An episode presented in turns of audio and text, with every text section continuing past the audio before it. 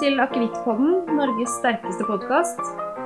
Jeg heter Elisabeth og er president i Norske Akevitters Venner. Og i dag har jeg med meg daglig leder i Norske Akevitters Venner, Lars Ole, i podkaststudioet. Hei.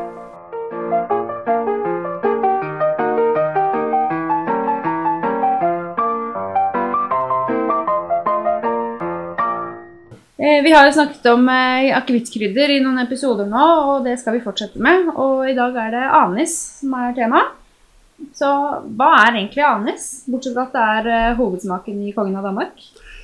Altså Det er jo en av de aller eldste medisinplantene våre. Den har vært dyrka i Egypt i oldtiden, og gamle grekerne brukte den. og Nå dyrkes den i mange land, eh, fra nord til sør. Fra Tyskland nedover til Italia, Spania, Nord-Afrika, India, Japan, Sør- Sør-Amerika.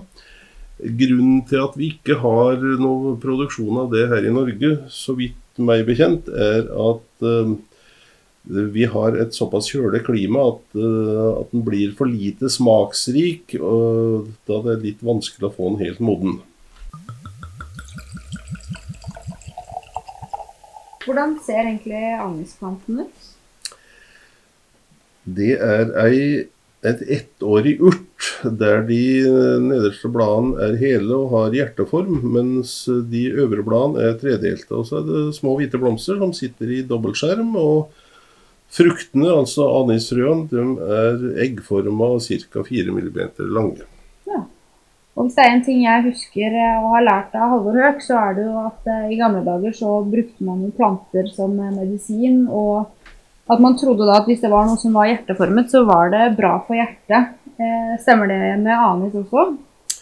Ja, det er jeg ikke helt sikker på, men allerede ca. 420 år før vår tidsregning så ble anis foreskrevet i munnvann.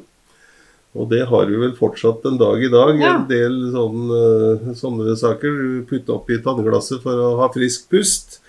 Eh, I gamle norske legebøker så ble anis anbefalt kokt i søt melk til innvortes bruk mot heshet, hoste, og som en av bestanddelene i midler mot uh, hodepine. Så hostesaft da, egentlig. Ja, altså det, det er jo mye anissmak ofte i hostesaft. Ja. Eh, Du nevnte kongen av Danmark. Eller så har du da likører. Du har i annen konfekt eh, bakverk. Og faktisk i en del karriblandinger så er det litt uh, anis. Ja, det visste jeg ikke. De eh, som hører på denne podkasten som har vært i Hellas, de kjenner jo kanskje den smaken fra noe i Hellas også? Ja, altså det, er jo ganske vanlig å bruke anis i brennevin i eh, Sør-Europa. Eh, Du snakka om eh, grekerne som da har ozo. Også i Tyrkia så har de raki. Og hvis vi drar til Frankrike, så har vi da pastis, pernod eller ricard. Og alt sammen det er anisbrennevin. Ja. Vi foretrekker kanskje heller akevitt med anis i. Ja, vi er vel eh, litt mer på det hjemlige der. Eh, Men eh, ellers så har også da uttrekk av anisfrø vært brukt til litt annet. Og da er vi tilbake til den gamle legekunsten da, som kolikkmiddel eller et lett avføringsmiddel. Så ikke drikk for mye akevitt med anis. Nei, det skal vel mye til da. Men eh, smaken av anis det er jo gjerne assosiert med litt sånn lakrisaktig smak. Er det noe man kjenner den i akuten? Ja, altså det, hvis den har, altså det er et stoff som heter anetol, som da gir eh, denne her litt lakrisprega eh, smaken. Og hvis du eh, lager et maserat, altså et uttrekk av anis i sprit, så kjenner du både anetolsmaken, eh, litt lakris og urter, og så brenner den litt på tunga. Eh, Dersom dette her maseratet blir stående, så blir det da faktisk litt blålig, så det tåler Oi. ikke å stå i lys, antageligvis. Borte også drikke det, da. Ja, Så vi holder oss til destillatet, og da er det den uh, søte anetolsmaken fra starten, og så kommer uh, litt mer urteprega smak med innslag av faktisk hvit kanel og kardemomme. Og det, det er jo ofte du har det når du når du destillerer ting, at uh, i starten av destillasjonen så smaker det av én ting, og så blir det litt andre smaker. Og det er jo sånn som vi også kjenner fra akevitt, at uh, Sjøl om du vet at det er et rent krydder oppi der, så er det liksom det, det, det dukker opp en del andre ting. Særlig når ting er uh, fatmodna. Mm. Ja, noen ganger så er det litt vanskelig å, å kjenne hva slags krydder som egentlig er i den hviten man drikker.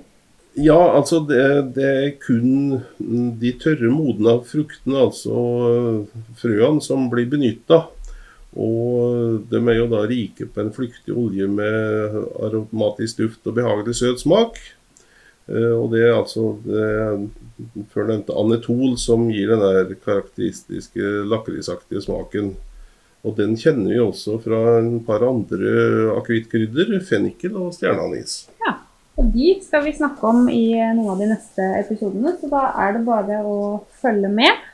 Så sier vi tusen takk for i dag, Lars Ole. Ja, takk i like måte.